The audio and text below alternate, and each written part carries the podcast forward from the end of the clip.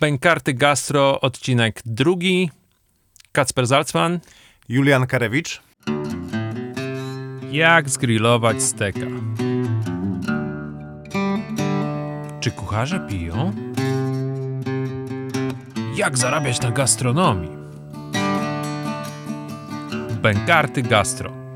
Gadamy o jedzeniu i całej kulturze z nim związanej. To o czym dzisiaj pogadamy?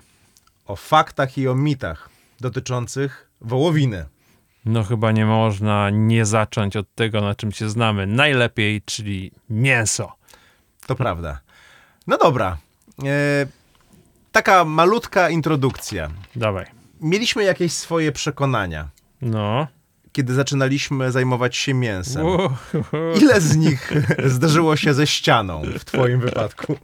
No, wiesz to, znaczy nie, no, generalnie to mi się wydaje, że ja się nauczyłem czegoś takiego, że kurna jakby, wiesz, nigdy nie mów nigdy, albo że zawsze tak, albo że to jest najlepsze, bo to po prostu potem ktoś ci to wywali, y, wiesz, za każdym razem, nie?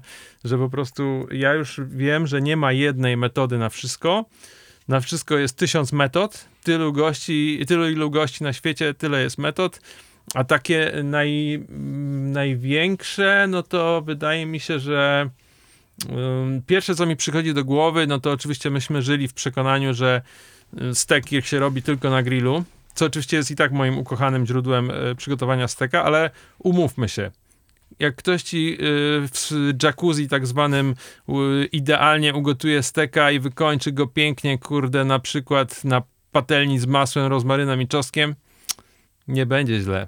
Nie. No, będzie całkiem fajnie, nie?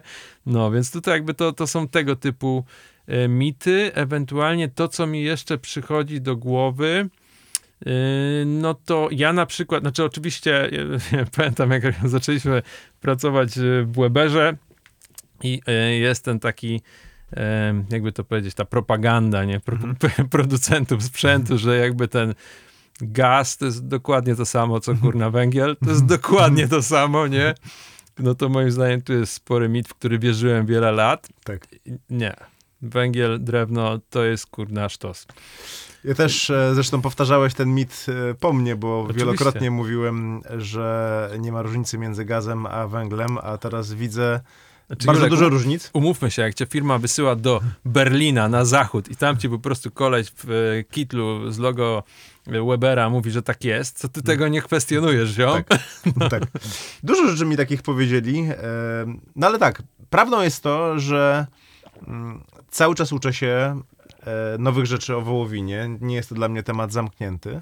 Ale chyba tak historycznie największym mitem, bardzo zdroworozsądkowym w jakimś stopniu, było to, żeby nie myśleć o wołowinie jako dobrej, gdy jest świeża. A, no to Świeża wołowina No tak, ale to jest taki mit, który tam gdzieś sprzed 20 lat, powiedzmy, nie, y, pewnie masz, a jak już zacząłeś grillować, no to się zorientowałeś, że ktoś cię nauczył, że, że, że nie do końca tak jest, nie? No, y, większość rzeczy, tak naprawdę rzeczy, których się nauczyłem na mojej nowej ścieżce edukacyjnej od tych mistrzów grillowania z Berlina, ja wielokrotnie i te nauki podważałem, e, doświadczając innych i uznawszy, że ten temat jest ciągle jakby w, w pędzie, ale są momenty, że się nie cofam. No, nie cofnę się do poglądu, że najlepsza wołowina to jest z mięsa, które jest świeżo bite. Tak, ale to mnie prowadzi do, moim zdaniem to, to będzie kontrowersyjny mit, No, y, ale na przykład y, sezonowanie na sucho. no. Y, Mięso zyskuje bardzo minimalnie i tylko najlepsze mięso. Takie jest moje zdanie.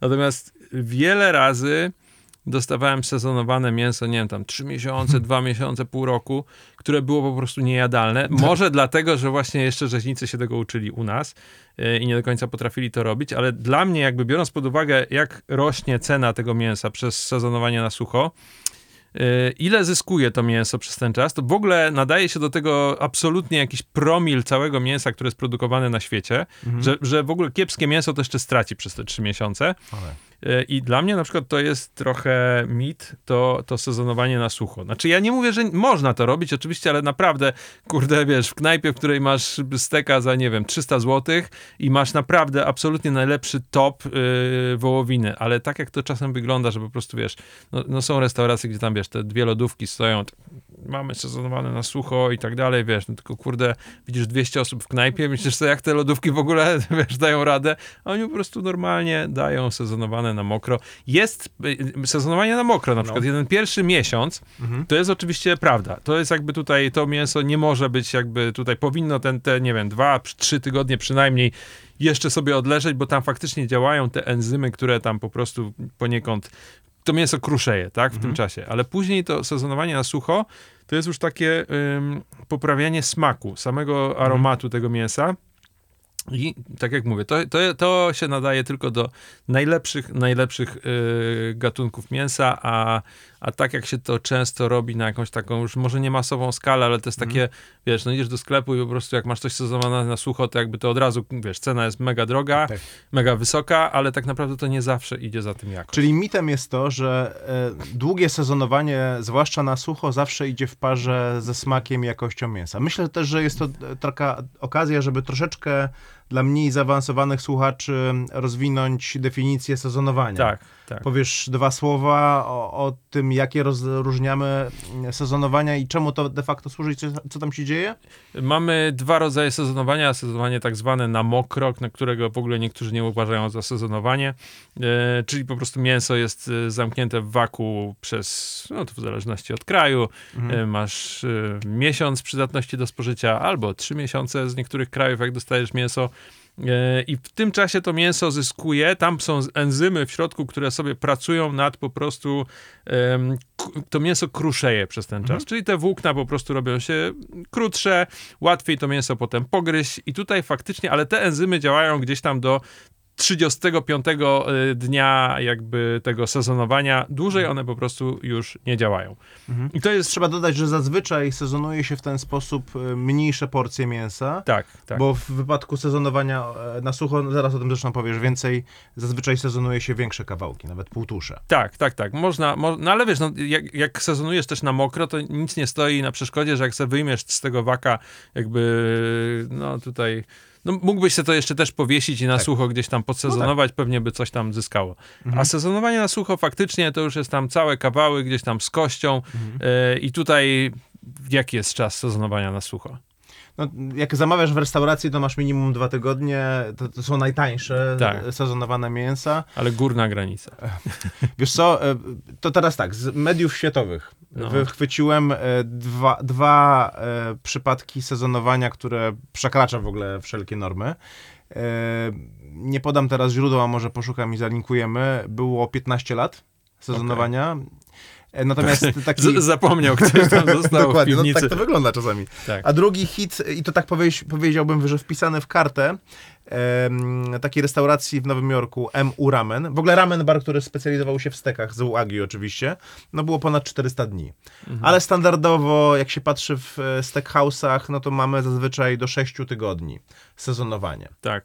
I, a jeszcze też oczywiście tutaj wyrwaliśmy się trochę do przodu. Wytłumaczmy sezonowanie na sucho, czyli mamy lodówkę albo chłodnię, w której panuje odpowiednia temperatura, nie może być za wysoka, bo to mięso się po prostu zepsuje, nie Chyba może... powyżej dwóch stopni nie może Nie, nie, być. tam pomiędzy 2 a 5, nie? Że, Mhm. nie, że nie może być poniżej dwóch, bo to po prostu nie działa w tym czasie, Tak. nie może być powyżej 5, bo się może zepsuć.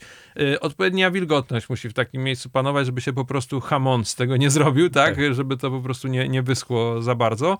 Y, no i tyle. No i to jest jakby dla mnie trochę, może nie tyle mit, ale trochę taka, może też nie ściema, ym, taki, taka bardzo wysublimowana metoda, która powinna być zachowana tylko dla najlepszych restauracji, dla najlepszych kawałków mięsa, a funkcjonuje już tak trochę na takim, no właściwie wszędzie można znaleźć sezonowane na sucho mięso.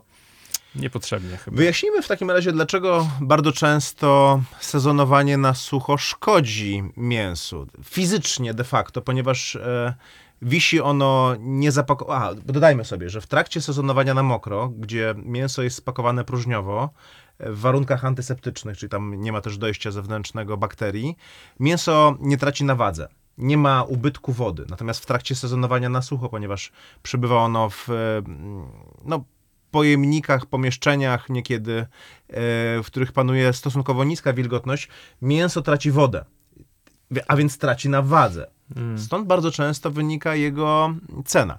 Co prawda kondensuje się i koncentruje jego smak, ale soczystość Tak. też często... Tak, no i tutaj też ja, ja uważam, że dlatego uważam, że najbardziej poprzerastane gatunki mięsa tłuszczem się do tego nadają, no bo po prostu jak masz kawałki, które po prostu tego tłuszczu dużo nie mają, no to po prostu robią się z nich suchary na Tak. koniec. I to nieraz się na, przekonaliśmy zresztą nawet chyba razem, gdzie tam potem słyszeliśmy, że a, Tak. bo to zima, a, bo to lato i dlatego nie, jakby zawsze są jakieś, jakieś tam przyczyny ku temu. No, generalnie przesezonowane mięso przypomina bardziej kiełbasę krakowską e, niż e, soczystego steka.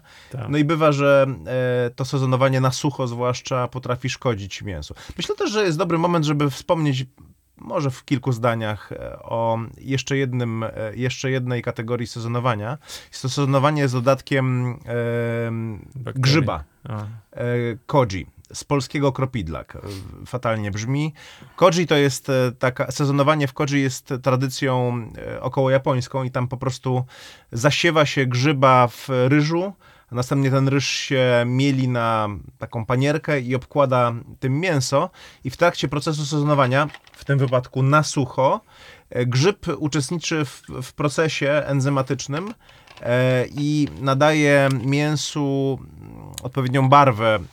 Może nawet nie chodzi o barwę, tylko dodatkowy aromat. Te wszystkie rzeczy, które często opisuje się jako markery smakowe w dobrych winach, whisky, czy tam cygarach, e, czy tam kawach, e, pojawiają się w mięsie. Nie wiem, czy miałeś okazję w ogóle e, kosztować Wiesz co, kiedyś. jadłem, tak, jadłem e, właśnie Alexa Barona, kiedyś mi zgrillowali na markecie steka. Pyszny był.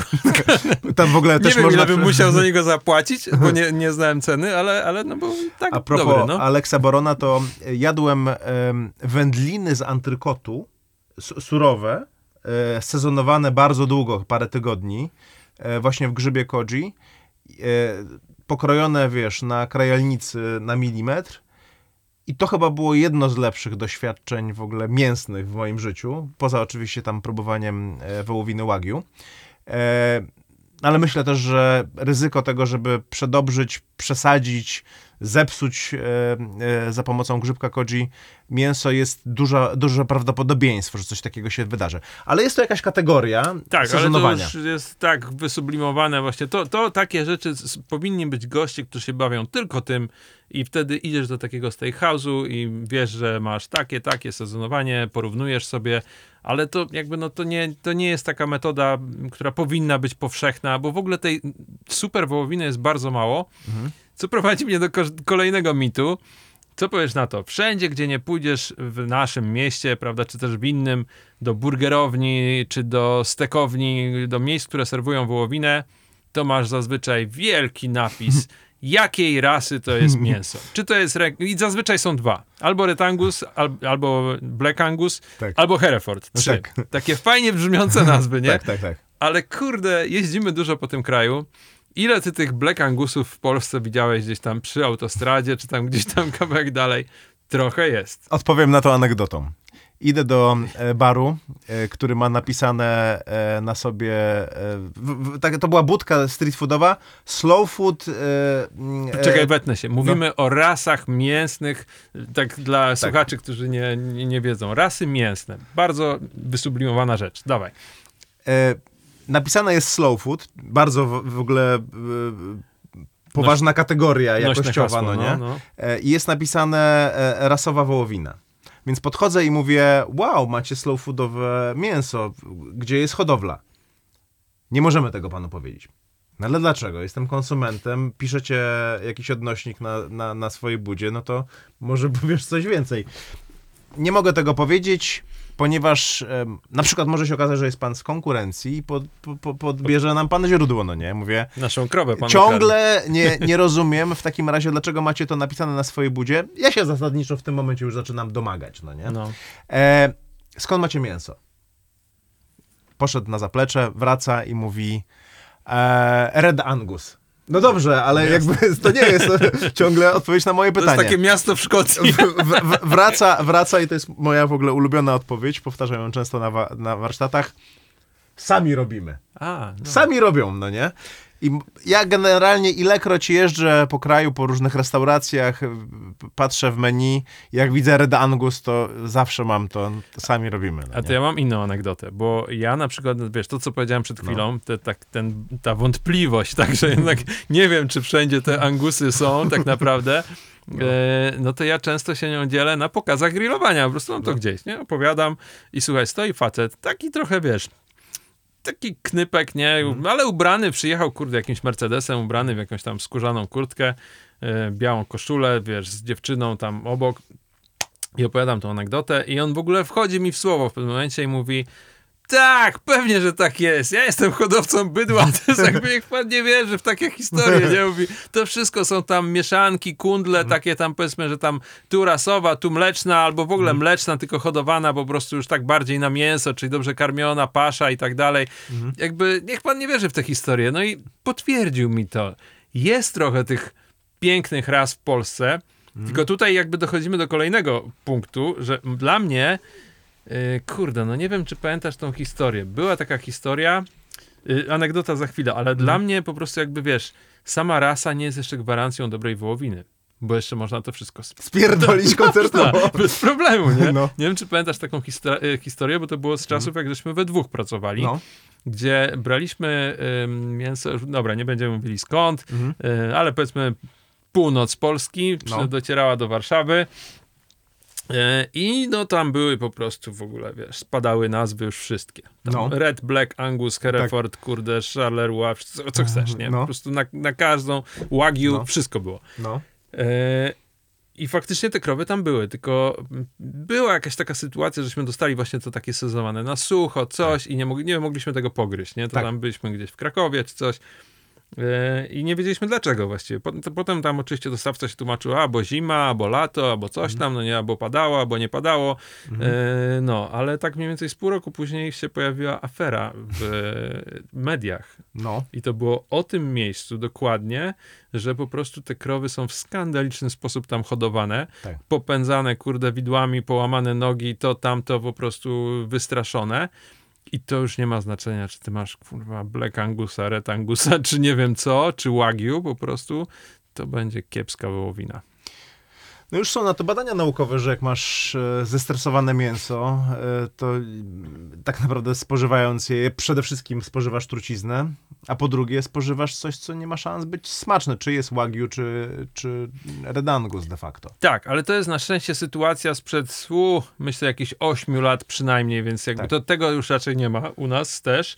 Yy, natomiast przychodzi mi do głowy kolejny mit. On jest związany z burgerami. Tak.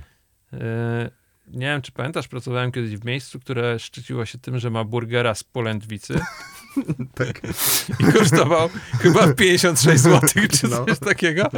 No. A tak naprawdę był on e, po prostu odrzutem od steków, których było bardzo dużo, Tak. bo polędwicy schodziło bardzo dużo, które żeśmy mielili i Mhm. po prostu i, i tutaj ten kolejny mit. Najlepszy stek świata, najbardziej delikatny, nie nadaje się na burgera. Po tak, prostu. zdecydodenie. Wolę już burgera, kurde, nie wiem, z mostka, tak. niż z polędwicy. To, to jest burger, który powinien 15 zł kosztować, a nie No tak. 56, bo jest chujowy po No prostu. No może jakkolwiek jeszcze antrykot. e, Antrykot tak, ma dużo wszedł. tłuszczu, tak, ale, Ale, szkoda ekonomicznie, go. Szkoda go. ekonomicznie lepiej udziec albo, albo mostek. Tak. E, zasada co do burgerów e, e, jest totalnie odwrotna niż do steków. Tutaj szukamy raczej tańszych kawałków, raczej ścinków, dużego przetłuszczenia, 25% tak optymalnie powinno się liczyć. Nie szukamy najdroższych kawałków, nie szukamy mięśni stekowych. Chociaż nawet jeżeli z antrykotu byłbyś w stanie zrobić dobrego burgera, to nie wiem, czy po prostu się to opłaca. Tak. Szukasz dużego przetłuszczenia, świetnie sprawdzają się do tego ścinki, e, jakieś takie resztki, potem mielisz to. Ważne, żeby zachować ten standard przetłuszczenia, jest ok. Często u rzeźników y, właśnie wszystkie te tak zwane spierdoliny, te okrawki stekowe lądują w burgerach ja to bardzo szanuję, bo No. to jest najlepszy sposób właśnie na utylizację tego, bo od tego są burgery po prostu. No Tak. to nie jest tak, że nie, nie mielimy steków, tylko po prostu to ma być kurde tanie mięso, tak, które trzeba zmielić. Dokładnie tak. No, a nie steki. Musisz powiedzieć coś o Japonii. O stekach czy o No burgerach? o mięśnie, bo mówimy o najwyższej formie mięsa. Więc pierwsze pytanie do ciebie, czy rzeczywiście taką zastałeś, e, mówimy o mięsie A, oczywiście. mity, tak. Kobe. No to No. okej, dobra. Yy, wiesz co, yy, w ogóle najlepszy stek, jakiego wciąż chyba jadłem w życiu, No. może dlatego, że wtedy jeszcze mało steków spróbowałem, ale to było to wagyu australijskie, które kiedyś żeśmy Tak. mieli na jakiś fancy bardzo catering i żeśmy tam opierdolili jednego steka tam w całej naszej gru, wesołej grupie kucharzy, Tak. yy, za pieniądze oczywiście, wi- wiadomo czyje, ale nie mówmy o tym, Tak. Ale to był chyba najlepszy stek wciąż w życiu. E, pojechałem tak, byłem w Kobe i faktycznie zjadłem tego y, no, owianego legendą y, A5 y, y, roast beef y, Kobe, w Kobe. To był przepyszny stek. Mhm. Tylko tutaj jakby, ja nie wiem, czy on był lepszy niż to Wagyu australijskie sprzed lat, ale biorąc pod uwagę cały teatr, jaki oni wokół tego zrobili i to, kurde, namaszczenie, z jakim oni to przygotowali i to, że to robił facet, który wiedziałeś, że po prostu robi to całe życie i jest naprawdę w tym dobry, a nie po prostu byle kto. Przepraszam, nie chcę obrażać kucharzy, ale jakby sa, sam wiesz, ile trzeba steków zgrillować w życiu, żeby umieć to zrobić dobrze. To nie jest naprawdę umiejętność. Teraz już wiem o tym, że to nie jest umiejętność, którą można posiąść, nie wiem, w rok czy dwa. Naprawdę potrzeba wielu lat, żeby po prostu wychwytywać różne subtelne różnice pomiędzy cięciami, pomiędzy rodzajami, pomiędzy temperaturami. Po prostu musisz to wszystko już mieć dobrze rozkminione. I tamten facet wiedział, co robi. I jakby biorąc pod uwagę całą jakby otoczkę wokół tego, to było jako doświadczenie całościowe, to było, po, nie, nie ujmując nic temu doświadczeniu, jakie miałem wtedy z wami, jedząc tą australijską wołowinę, to było najlepsze doświadczenie w- życiu. Więc tutaj jakby jak jedziesz do Kobe, oczywiście jest to, jest to super, natomiast to prowadzi do kolejnego mitu, czyli Wagyu na całym świecie, bo Wagyu to się też zrobiło jakieś tak trochę jak Red Angus, Black Angus, nie? Tak. Po prostu takie gwarancja sukcesu. Mam też anegdotkę, e, więc e, zaklepuję sobie miejsce po tobie. No to E, mów, to teraz. mów. Zaczynamy? Tak. Dobra. Dostaję zlecenie na zrobienie potężnej imprezy dla dyrektorów, w ogóle, z, którzy zjechali się z całego świata, pewnej no, bardzo rozpoznawalnej marki motoryzacyjnej. I wytyczne były bardzo proste. Proszę z całego świata sprowadzić dla nas najlepszą wołowinę. Najbardziej charakterne kawałki z Francji, Szkocji, właśnie Azji, e, ale też chcielibyśmy poznać e, jakość polskiej wołowiny. Nie pamiętam, e, ile wydałem pieniędzy na to, żeby posilić 20 osób, ale były to dziesiątki tysięcy złotych de facto, ponieważ e, była tam również wołowina z za którą płaciłem e, 1920, jak dziś pamiętam, złotych za kilogram. I teraz e, bardzo byłem zestresowany tą imprezą, ponieważ e, no, klient wymagający i byłem przygotowany do tego, żeby w ogóle pójść krajami przez grille, różne metody i serwować tak degustacyjnie, a teraz jecie e, polską, a teraz francuską, a teraz charolais, tutaj sezonowanie jeszcze... Mógłbym długo opowiadać. Byłem bardzo dobrze przygotowany do tej degustacji, po czym zorientowałem się, że mój klient ma mnie w dupie. Ma mnie w dupie. Więc cały mój spektakl w ogóle spuściłem, e, e, że tak powiem, brzydko, nawet nie powiem tego, wiadomo, i po prostu zacząłem grillować, no nie? E, I wrzucałem im w stół platery, na których co prawda jakby e, rozdzieliłem różne gatunki, ale już tam już niczego nie podpisywałem, tylko sól, e, obok siebie leżące i tak dalej. I w pewnym momencie już totalnie nie byłem zaangażowany w ogóle rozmowę z nimi. Podchodzi do mnie zleceniodawca i mówi to Wagyu, po prostu niesamowite, najlepsze jakie z tego wszystkiego jadłem. E, I tak chciałem go poprosić, żeby jednak wskazał w ogóle dokładnie, bo tam było Wagyu z Australii też, więc e, chciałem dokładnie wiedzieć. I to, co wskazał, spowodowało, że po prostu runęło wszystko, co, co uważa, uważałem za podstawę nie do zburzenia. Pokazał mi hanger kurwa steka za 45 zł za kilogram. Polska wołowina. No tak.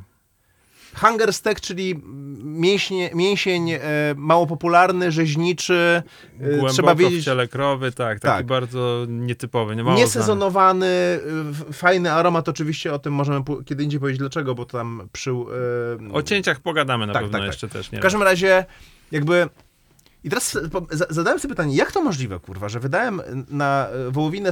Ja ja jej nie zjebałem w ogóle, żeby, bo też mógłby ktoś pomyśleć, że po prostu spierdoliłem, no nie? No. A ja ją zrobiłem dobrze. Dlaczego się stało tak, że gościu, który życzył sobie zjeść najlepszą wołowinę na świecie, wskazuje mi kawałek, który de facto kupiłem po to, żeby pokazać mu, czym się różni ta najlepsza od tej takiej bardziej pospolitej, no nie? No. On wybrał e, hangera. Nieźle, niezła historia. No to, No. To, mnie, to mnie też do... Znaczy to nie jest jakby mit, tylko to jest coś jakby taka trochę niewiedza u nas, że No. faktycznie, no u nas nie ma tej gradacji wołowiny, nie? Tak. Jakby wciąż to nie funkcjonuje tak, jak powinno. Mhm. W Stanach masz po prostu, wiesz, przyjeżdżają ci inspektorzy specjalnie przez kraj, przez państwo wynajęci. To nie jest tak, że możesz mu, nie wiem, tam łapówkę dać czy coś. Mhm. No. Nie. On ci przystawi pieczątkę i koniec. Albo masz prime choice, albo masz gówno, które Mhm. zostaje w Stanach, nikt tego nigdzie nie wyśle, bo się nie opłaca. Tak. Więc jak masz taki prime choice, to wiadomo, że to jest świetna wołowina. Australia jest to samo, Japonia jest to samo, tylko ta Australia, którą żeśmy wtedy jedli, to był jakiś tam grade, nie pamiętam, bo myśmy nawet nie wiedzieli, że wołowina ma grade'y, ale to musiał być wysoki grade, nie wiem, 11, 12, 9, 10, coś takiego, to są najwyższe grade'y y, tego łagi australijskiego. I potem, jakby, kurde, głupio mi opowiadać tę historię, bo my się lubimy z tymi ludźmi No. cały czas, ale ten sam dostawca Mhm. skołował mi Wagyu australijskie, które podobna impreza, Mhm. ko- podobny kaliber, nie? Tam tutaj Rubia Gajega, tu Wagyu australijskie, tu Mhm. coś tam, no nie? I po prostu było to tak przeciętne mięso, Mhm. że głowa mała i to się potem okazało, oczywiście jak już go trochę przycisnąłem do ściany, że to był great, on powiedział 5-6, a Mhm. więc prawdopodobnie był niższy, więc to już jest tak naprawdę pospolita wołowina, która w Australii kosztuje pewnie, nie wiem, 20 dolców za kilogram, czy coś takiego, czy 10, nie? Mhm. No, Więc no. jakby nie ma się czym tutaj e, chwalić, a ja zapłaciłem, no, grubo Mhm. za to. Ale mam pomysł na kolejny mit. Stopnie wysmażenia well done to jest w ogóle zepsucie steka. To jest ciekawe. To jest e, niesamowity temat. Nie, ty wiesz co, chyba wydaje mi się, że ty masz e, najbardziej wyraziste anegdoty a propos stopni wysmażenia i rezultatu e, nie- versus e, szablon. Nie wiem, nie wiem, o której myślisz anegdocie, ale faktycznie, znaczy są, okej, są steki, które przeciągnięte po prostu faktycznie są niejadalne. Właśnie wspomniany hanger na przykład może być po prostu twardy, niedobry, ale Mhm. faktycznie e, dobrze, to wiesz co, jest taki kucharz Filip Wasilewski, No. e, on, on mnie faktycznie przekonywał długi czas, że medium well albo well done to są bardzo dobre stopnie wysmażenia. Jak masz dużo, dużo tłuszczu w środku, Mhm. Bo ten tłuszcz faktycznie ma czas, żeby się fajnie wytopić i masz potem taki maślany Mhm. posmak, więc ribeye na przykład, medium well, Mhm. uważam, że to jest bardzo fajny stopień wysmażenia. Nie jest to zepsute mięso. Mało tego, yy, nie wiem, czy ty chcesz coś dodać a propos steków? Bo ja już do burgerów chciałem przeskoczyć. Co, muszę dodać No to e, e, jedną rzecz, też dla e, osób, które nie mają większego doświadczenia. Stopnie wysmażenia to jest taka przyjęta międzynarodowo skala, że w momencie, w którym osiągniesz dany stopień, jakby daną temperaturę wewnątrz, taki stopień wysmażenia... To ja mam, ja mam taki bardzo, ja, ja to już w ogóle uprościłem. Pomiędzy 50 a 60 stopni w środku, Tak. w, y, w mięsie zaczyna dziać się magia. W okolicach 50 jest czerwone, w okolicach 60 jest różowe, ścinają się białka. To jest najlepszy, powiedzmy, przedział, w którym y, możemy mieć. Y, aha, już, już trochę, powiedzmy, już trochę za, zaprzeczyłem temu, co powiedziałem przed chwilą, ale powiedzmy, że to, jak traficie w to. Zazwyczaj! Jak traficie w to, to jakby jest 100% sukcesu w tym No momencie. teraz powiem ci tak, to się wszystko zgadza. Zazwyczaj to jest, myślę, e, ważne określenie. Zdarzyło mi się raz mieć 54 stopnie Celsjusza wewnątrz. To jest według tego szablonu pewnie medium rare. No taki, No, taki e, może bliżej pomiędzy, medium. Tak, tak, pomiędzy rare E, I miałem well done.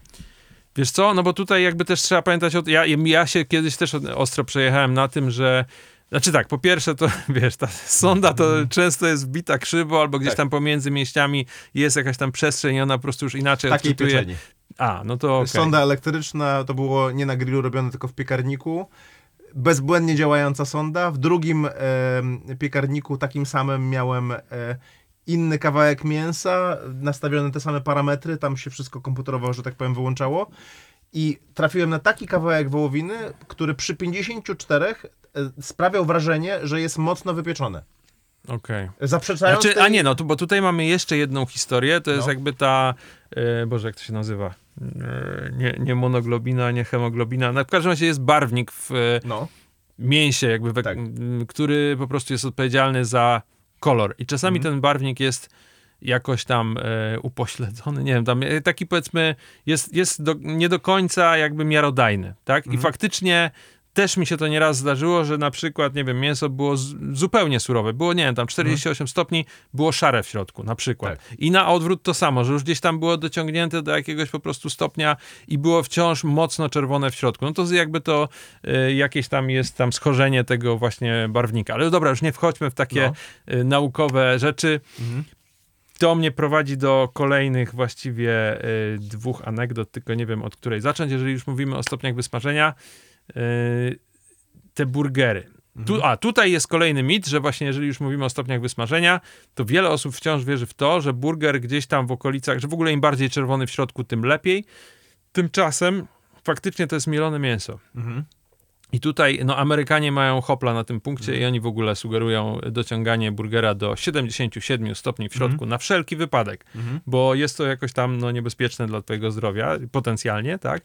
Yy, I tutaj faktycznie moim zdaniem obala się kolejny mit, że no jednak ten burger, yy, no to takie przynajmniej medium powinien mieć. Mhm. Ja, ja faktycznie kiedyś zaserwowałem burgera w ogóle taki idealny, w ogóle medium rare. Mhm. Strasznie się nad tym połowałem, bo robiłem dla gościa z ambasady amerykańskiej tego burgera.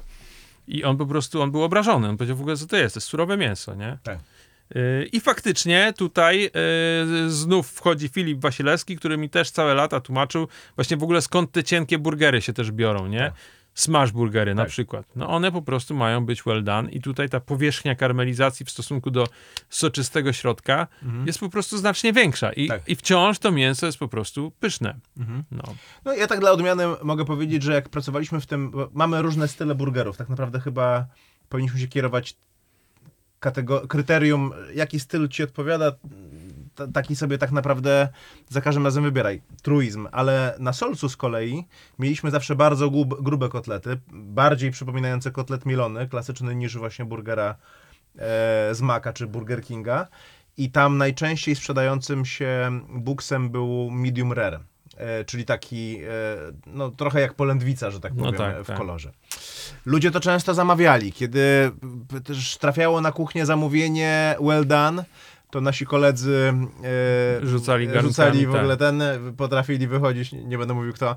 Co on, po, pojebało go w ogóle? Chcesz zepsuć mięso? To weź, weź well done'a, no nie? Well down! Mówili. Tak. Pozdrowienia dla kolegi. E, Ci, co wiedzą, o kim mowa, wiedzą.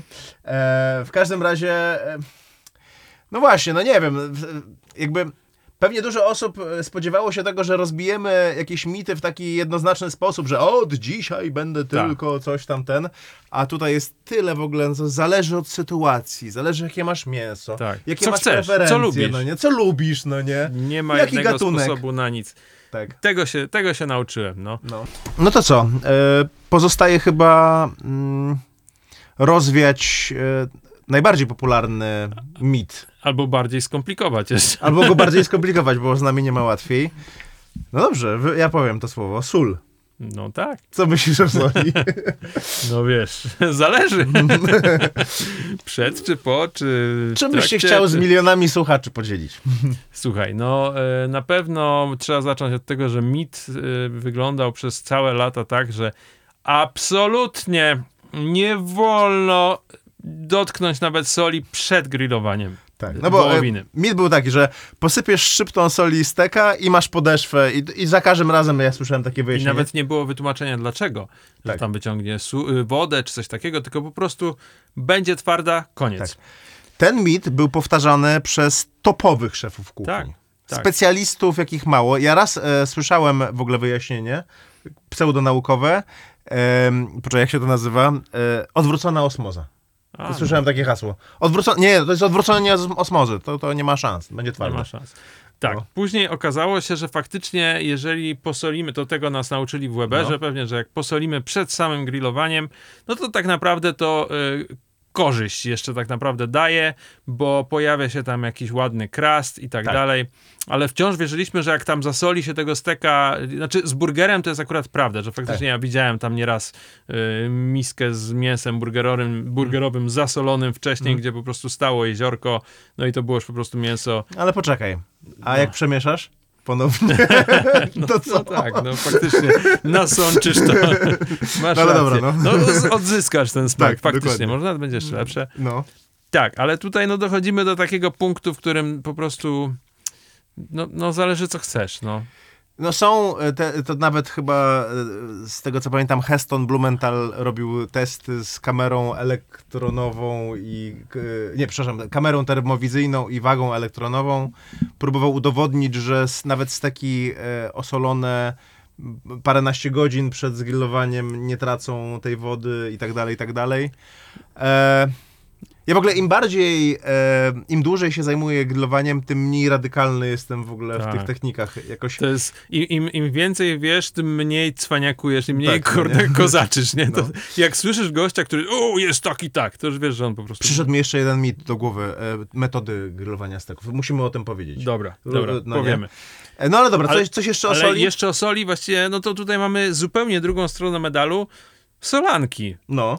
I właściwie dlaczego nie? nie? Jakby wiesz, no kurde, no sól ma tak naprawdę też działanie dobre dla steka, więc jakby y, steka, okej, nigdy nie solankowałem, dla, dla mięsa powiedzmy. Dla mięsa. No, No. wiesz, e, tutaj mamy pewien paradoks, bo jak masz e, steka sezonowanego na sucho, czyli celowo pozbawiasz go tej wody, Tak.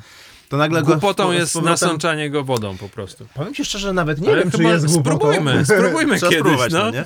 Ale no tak, jest na pewno w tym paradoks. E, Jeżeli chodzi o steki e, i solankę, nie mam większego doświadczenia, natomiast jeżeli chodzi o drób albo wieprzowinę, to solanka jest wręcz gwarantem soczystości. Ale nie tylko, solanka faktycznie wsiąka w to mięso i cokolwiek dorzucisz do tej solanki, to te aromaty, one nie są mocne, nie? One są bardzo, bardzo subtelne, ale one wnikają w to mięso. Nawet nie jesteś w stanie potem rozróżnić, czy to jest trawa cytrynowa, czy to jest liść laurowy, czy czosnek, ale jest bogactwo. No, ja, w mojej opinii pierś kurczaka e, nie ma sensu bez solanki. Generalnie jak piekę sobie kurczaka, no to często nie mam czasu go wstawiać do solanki. No to piersi to jest najmniej atrakcyjna dla mnie jakby część. Ale jeżeli jest zasolankowana, to nagle staje się soczysta i smaczna. E, jeżeli chodzi o wołowinę i solankowanie, no to w mojej manufakturze e, produkowałem pastrami. Nie ma czegoś takiego jak pastrami bez solanki. E, I te przyprawy i ta sól tak naprawdę sprawiały, że tego, tej soczystości zostawało w mięsie o wiele więcej. Czyli wołowina i solanka to jest para zrodzona w niebie, tylko moje doświadczenie dotyczy tylko mostka de facto, no nie? Nie, przepraszam, robiłem kiedziś pastrami z rozbefu i też solankowałem mięso. E, Niesamowite w ogóle rezultat, tylko to jest zupełnie inny rezultat niż jakbyś chciał Wiesz, jeść steka. Ja myślę sobie, że jakbyś steka zasolankował, to po prostu pewnie problem byłby z samą karmelizacją, bo to mięso jest po prostu mega mokre i, i wtedy no raczej tylko low and slow ci zostaje ewentualnie gdzieś tam pieczenie, bo, bo pewnie on by się bardziej ugotował niż, e, niż skarmelizował. Robiłem tylko w low and slow, smak. więc nawet nie wiem. No ale z drugiej strony wyobrażam sobie, jak masz ten, w Napoleonie ten e, boczny... Sizzle zone tak zwany, tak? To stary jakbyś w wiadro wody No wylał, to tak, byś no to- zgrillował. Oczywiście, no, ale tutaj jest kolejny temat No. właśnie a propos y, soli, bo No. na przykład na tym palniku nie można używać soli, bo to jest jedyna rzecz, która mu szkodzi, bo tam są A. jakieś tam mikro, wiesz, dziurki takie Aha. ceramiczne. E, I to no, jakby wiesz, no, i, i całe lata mówiłem ludziom, że tak, solimy na chwilę przed No. grillowaniem, a tutaj nagle nie solimy. I co gorsze, ja się muszę tego nauczyć. Czyli znowuż mamy odpowiedź, e, sól zależy od sytuacji. Oczywiście, no że tak. To jest zazwyczaj najbardziej e, pra- prawidłowa odpowiedź. Ostatni mit, jaki miałeś przed chwilą jeszcze? Musimy przejść przez... E, no dobra, znowu zadam prowokacyjne pytanie. Jaka jest najlepsza metoda grillowania mięsa? A, grillowania, nie, nie pieczenia. Nie, gry- dobra, przyrządzenia steka. Przyrządzenia steka. Szeroko, No to szeroko. w sumie chyba żeśmy od tego zaczęli, No. nie? że jakby a, a zależy jakby ile mamy czasu, jakby jaki mamy stek. Tak naprawdę Tak. mi jeszcze jedna przyszła, jeszcze jeden mit e, do głowy, ale okej, najlepsza metoda, znaczy w ogóle taka jaką bym wybrał, taka ultimate w ogóle No. najlepsza, najlepsza, najlepsza. Kurde, no nie wiem, mam ze trzy w tym momencie w głowie. Dobra, to może pierwsza, której się nauczyłem. Dla mnie była, była taka otwierająca oczy, że klasyczna, klasyczna metoda, No. czyli e, grillowanie steka w dwóch e, mm, środowiskach, e, bezpośrednio nad żarem. Tutaj możemy wziąć również patelnię mocno rozgrzaną. Krótkie e, obracanie steka nad żarem po to, żeby skarmelizowała się skórka, a potem przeniesienie go do upośrednionej temperatury, w wypadku grilla poza żar, w wypadku patelni często do piekarnika na przykład się wsadza i to sprawia, że to mięso się tak troszeczkę wolniej e, ścina i że nie jest przesuszone po wyjęciu. To była klasyczna metoda, do której się chyba najbardziej przywiązałem. Później poznałem metodę reverse sear. No Taka tak, czyli najpierw... kolejność? Nie, no to, no to ja się nauczyłem od ciebie, więc zdecydowanie tak. No. Reverse sear, czyli po prostu najpierw pieczemy środek, a potem karmelizujemy w wysokiej temperaturze. E, widziałeś, jak e, upiekłem środek z użyciem słońca na moim YouTubie? tak. Widziałeś, no. No. To, to była dobra metoda, No, mówiąc szczerze. Ale środek, ta karmelizacja No. musi być, tak. Tak. Ewentualnie, co mi jeszcze przychodzi do głowy, wiesz, y, constant flipping, które Tak. jest świetną metodą, tak naprawdę taką rodem z lat 50., jak tam wyobrażam sobie, że panowie burgery tak smażyli, kurde, w swoich ogródkach w Stanach. Yy, patelnia z masłem, już wspomniana, jest doskonałą metodą, uwielbiam ją. Mhm. Jacuzzi tak zwane, potem wykończone jakimś palnikiem jest po prostu chyba nawet idealną metodą, zwłaszcza jak masz restaurację i masz bardzo dużo tego towaru i nie masz miejsca na to, żeby się, kurde, No. kucharz mylił. Tak. Yy, no nie no, Jacuzzi, czyli metoda sous vide, Tak, e, okej, e, tak, tak. wypowiedziana żargonem. No e, właśnie, zależy od sytuacji. Jeżeli jesteś restauratorem i chcesz mieć e, e, 100 idealnie wypieczonych steków, przetwórz je najpierw metodą sous vide i dawaj kucharzom, żeby zgrillowali lo- Żeby ich nie zepsuli, tak. żeby ich nie zepsuli, ale jak robisz sam dla siebie, wybierz, no nie wiem, ja jeszcze znam, ja bardzo lubiłem, e, przynajmniej na warsztatach, bo tak sam dla siebie to powiem ci szczerze, że chyba, że ostatnio constant flipping jest moją ulubioną. Tak jak Aha. mam sobie dobrego steka zrobić na szybko, żeby nie komplikować, to często przewracać, żeby zatrzymać tą wodę w środku mięsa i tak mi najłatwiej go, go zrobić. E, Ale pamiętam, że lubiłem też wykańczać steki e, w smokerach. A no tak, oczywiście. Ale wiesz, wiesz co, No. to, o czym tutaj mówimy, wiesz, wiesz co, daje ci pewną wolność. Ja Tak. ostatnio byłem w takiej sytuacji, że gdzieś tam pojechałem na takie warsztaty, gdzie No. wiesz, jakby tutaj takie bardziej gastronomiczne Mhm. i po prostu od razu było powiedziane, że nie będziesz miał grilla, nie? Mhm. Mm, Poza tym, wiesz, wchodzę na scenę, y, powiedziałem, że dobra, no to tam powiedzmy, że niech chociaż piekarnik będzie jakiś czy coś, że tam sobie jest, wiesz, Mhm. patelnia grillowa czy coś, spiekę Mhm. na patelni grillowej, włożę do piekarnika. No i w momencie, jak wszedłem na scenę już z tym swoim towarem, to zacząłem, że piekarnik jest, tylko kabel Mhm. jest zawinięty gdzieś tam dookoła, w środku są jeszcze jakieś plastikowe zabezpieczenia, coś. Mhm. Nie mam piekarnika, ale generalnie ja już jestem, ja, ja myślę, że jestem taki, na takim poziomie, ty na pewno też, że po prostu ktoś ci da steka i kurde e, jednorazowy grill, albo ognisko, albo coś, ty go zrobisz. Mhm. I będzie super zrobiony na pewno. Więc y, to jest zajebista wolność. Jakby, że, że wierzysz w to, że nie ma jakiejś jednej metody, którą musisz koniecznie, bo inaczej to będzie kaplica, Mhm. tylko po prostu wszystkie te metody dasz radę nimi zrobić steka. To jest Tak. ekstra. Y, jeszcze mi, wiesz co, jeszcze dwie dwa mi ty przyszły do głowy bardzo No. ważne. Jeden to jest robienie steków na dotyk.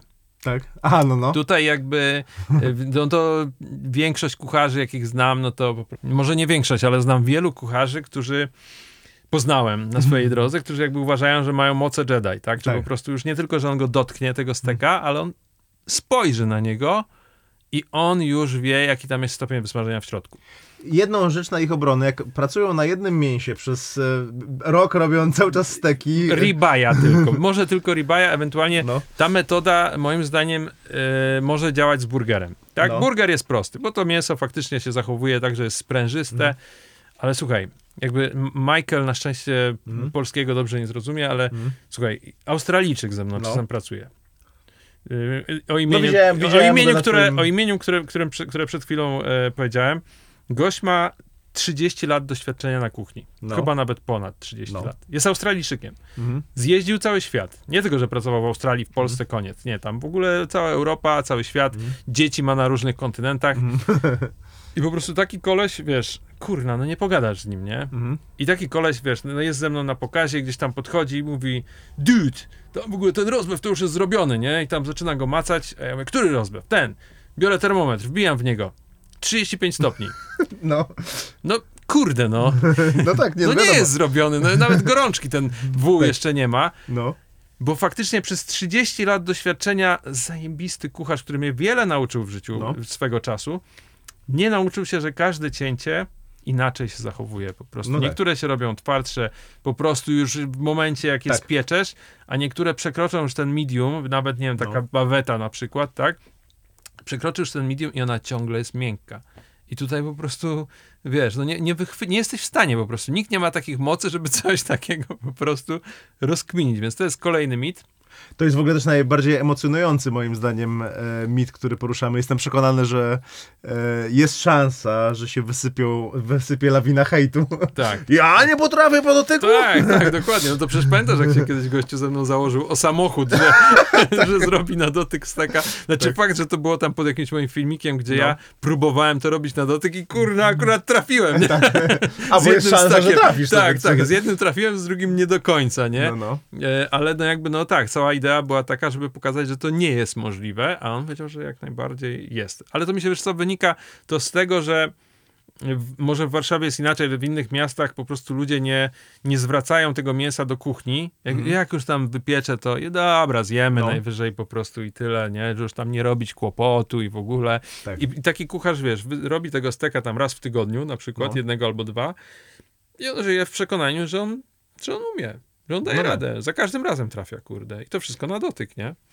No może być też tak, że ma skalibrowane mięso i robi już przez timer bardziej niż przez termometr. To jest możliwe, jak dostajesz cały czas równą dostawę, Tak. że tam ta matematyka czasu e, ma szansę zadziałać. No ale jak spontanicznie dostajesz, nie wiem, dwa steki, powiedzmy jeden 276,5 grama, No a tak. drugi 310, niewielka różnica, No. e, paręnaście gramów de facto.